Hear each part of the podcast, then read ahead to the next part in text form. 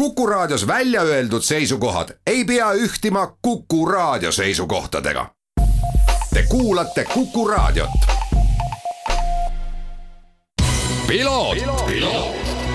ralli uudiste parima kvaliteedi tagavad Osmo õlivahad. Tervist, head Kuku raadio kuulajad, eetris saade Piloot ja stuudios saatejuht Margus Kiiver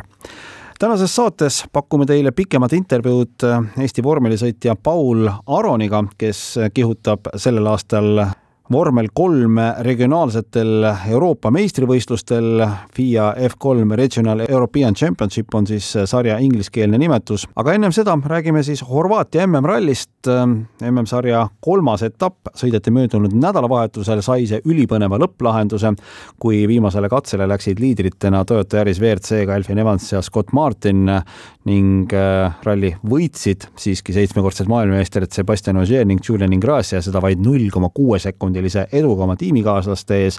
Elfin Evansi ja Scott Martini ees, kes siis viimasel katsel tegid pisikese vea ja andsid aega ära ning see andis võimaluse siis Ogier ja Ingrassial mööduda neist äh, ja võita esimesena Horvaatia MM-ralli, mis esmakordselt kalendris oli. asfaldil sõidetud etapil kolmas koht Thierry Neuvillile ning Martin Veidachele Hyundai i kakskümmend kupe WRC-ga. Nende kaotus jäi lõpuks Ožeele kaheksa koma ühe sekundi peale ja neljanda positsiooni hõivasid siis Ott Tänak ja Martin Järveoja.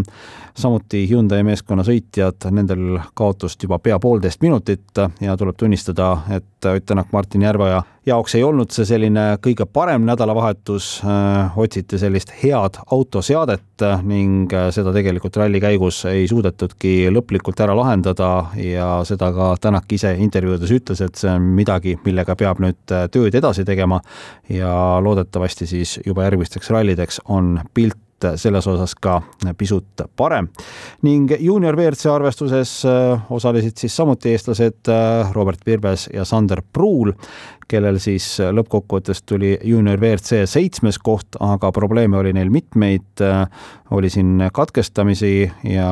legendiga tööd tegemist, nii et nende jaoks oli selline väga suur õppimine. lihtne ralli, see ei olnud kellegi jaoks, olud olid keerulised ning teed ülivalt põnevad ja näis, mismoodi siis asjad edasi lähevad, aga kindlasti uue ja põneva asfaldirallina kalendris see etapp ennast õigustas. nüüd aga siis intervjuu intervjuu Paul Aroniga, kes Prema Power Team meeskonna liikmena alustas äh, vormel kolm äh, Euroopa regionaalseid meistrivõistlusi väga hästi, olles Imola etapil siis neljandal ja teisel kohal ning äh, sarja kokkuvõttes asub ta praegusel hetkel kolmandal positsioonil ning uurisin Paul Aroni käest seda, kas avaetapi tulemusega saab rahule jääda ega ta kindlasti paha algus ei ole olnud, et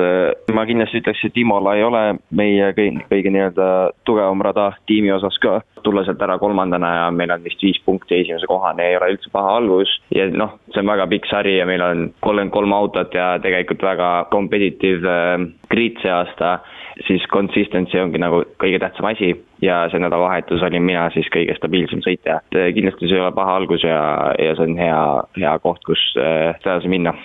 kas äh, see sari, kus sa nüüd aastal kaks tuhat kakskümmend üks äh, nüüd endiselt sõidad, et äh, kas see kuulub ka sinu sellisesse nii-öelda nagu pikka plaani? sest ma saan aru, et, et vormelis on tegelikult on oluline laduda seda müüri mm, üsnagi selge eesmärgiga kuhugile jõuda, et see on üks selline kindel samm, mida sa olete oma tiimiga valinud? jah, kindlasti, et äh,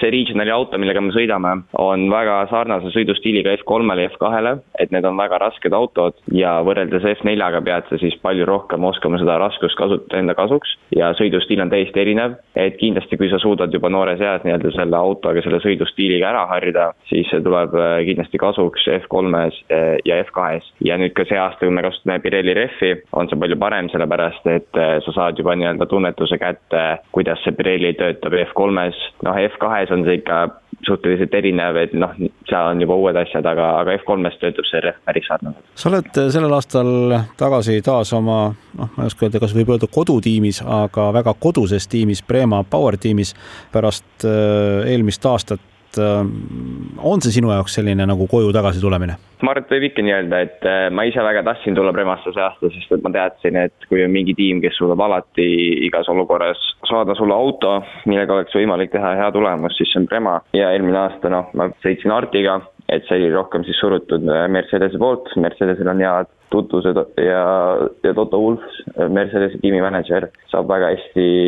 läbi Fred Vassööriga, kes on siis äh, Arti tiimomanik et eh, kindlasti seal olid ka noh, nii-öelda niisugused poliitilised mõjud, miks ma olin seal, aga, aga noh, see aasta me suutsime saada mind Premasse, mille üle ma olen väga õnnelik ja, ja ma arvan, et on väga suur võimalus see aasta sari ära võita. kui te olete teinud sellist pikemat plaani oma karjääri osas, et eh, mis võiks olla sellised järgmised sammud, kui sa nüüd ütlesid ka, et, et seda sarja tahaks sel aastal ära võita, mida sa teed aastal kaks tuhat kakskümmend kaks, kaks tuhat kakskümmend kolm, loomulikult muutusi võib toimuda aja jooksul väga palju, aga mingisugune selline selge selge siht on kindlasti olemas? no tegelikult on see väga lihtne, äh, võita sari see aasta, minna F3-e, võita F3-s, minna F2-e, võita F2-s, minna F1-e, et. Äh, paberi peal see on imelihtne. jah, et no F3 on juba niisugune sari, kus sa lähed ja pead juba esimene aasta suutma võita, nii et sellepärast oligi see otsus jääda veel üheks aastaks siia regionali, et teha siin hea aasta ära võita see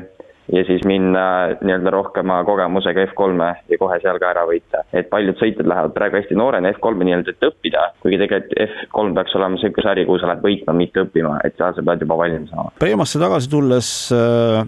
sa saad äh, kenasti tööd teha oma venna Ralf Aroniga ja oled siin oma intervjuudes tegelikult öelnud ka, et, et Ralf on äh, sinu jaoks olnud ikkagi mentor esimesest päevast peale, et tänu temale sa üldse sõitma hakkasid, sest Ralf ju samamoodi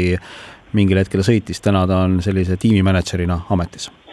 ja ei no kindlasti see on väga lahe ja tore, et, et Ralf on meie tiimimänedžer, aga ma ei ütleks, et otseselt muudaks midagi, sest et noh, ta on ikkagi tiimimänedžer ja ja raja ääres ta on minu jaoks kui boss, mitte kui vend. et kindlasti see on lahe ja tore, aga eks seal ole plussid ja miinused, et noh, sa pidevalt oled oma, oma vennaga koos ja noh, ja ma arvan, et see tuleb,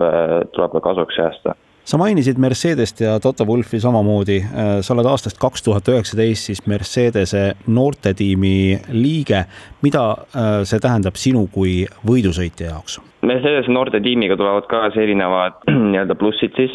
no üks kõige tähtsamaid on siis see finantsiline toetus. Mercedese tiim pakub sulle siis nii-öelda finantsilist toetust äh, aastatel. nii-öelda teisena siis kõige tähtsam asi on see, et äh, ma ei tea, viimase kahekümne viie aasta jooksul ei ole ükski sõitja kellel juhuslikult ei ole väga-väga-väga rikas isa, äh, ilma ühe noor, ühegi noortetiimi toetuseta jõudnud F1-te, et põhimõtteliselt F1-te jõudmiseks ongi sul ainult kaks võimalust, sul peab olema kas väga palju raha, et see tiim ära osta, või siis sul peab olema noortetiimi toetus, kes sokutab sind kuskile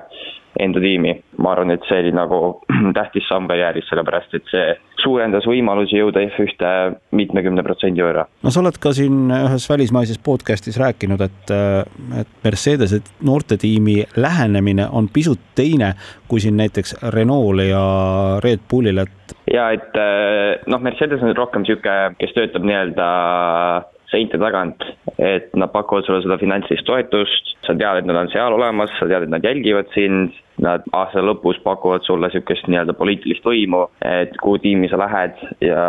kindlasti sul on prioriteet teiste sõitjate üle, kellel ei ole niisugust toetust, aga noh, võrreldes näiteks Renault ja Red Bulliga on siis nagu Mercedes palju rohkem seinte taga, et Renault ja Red Bull võtavad hästi palju oma sõitjaid raja äärde sõite kaasa vaatama, võtavad neid eh, treening camp idesse, viivad neid tehasesse, nii-öelda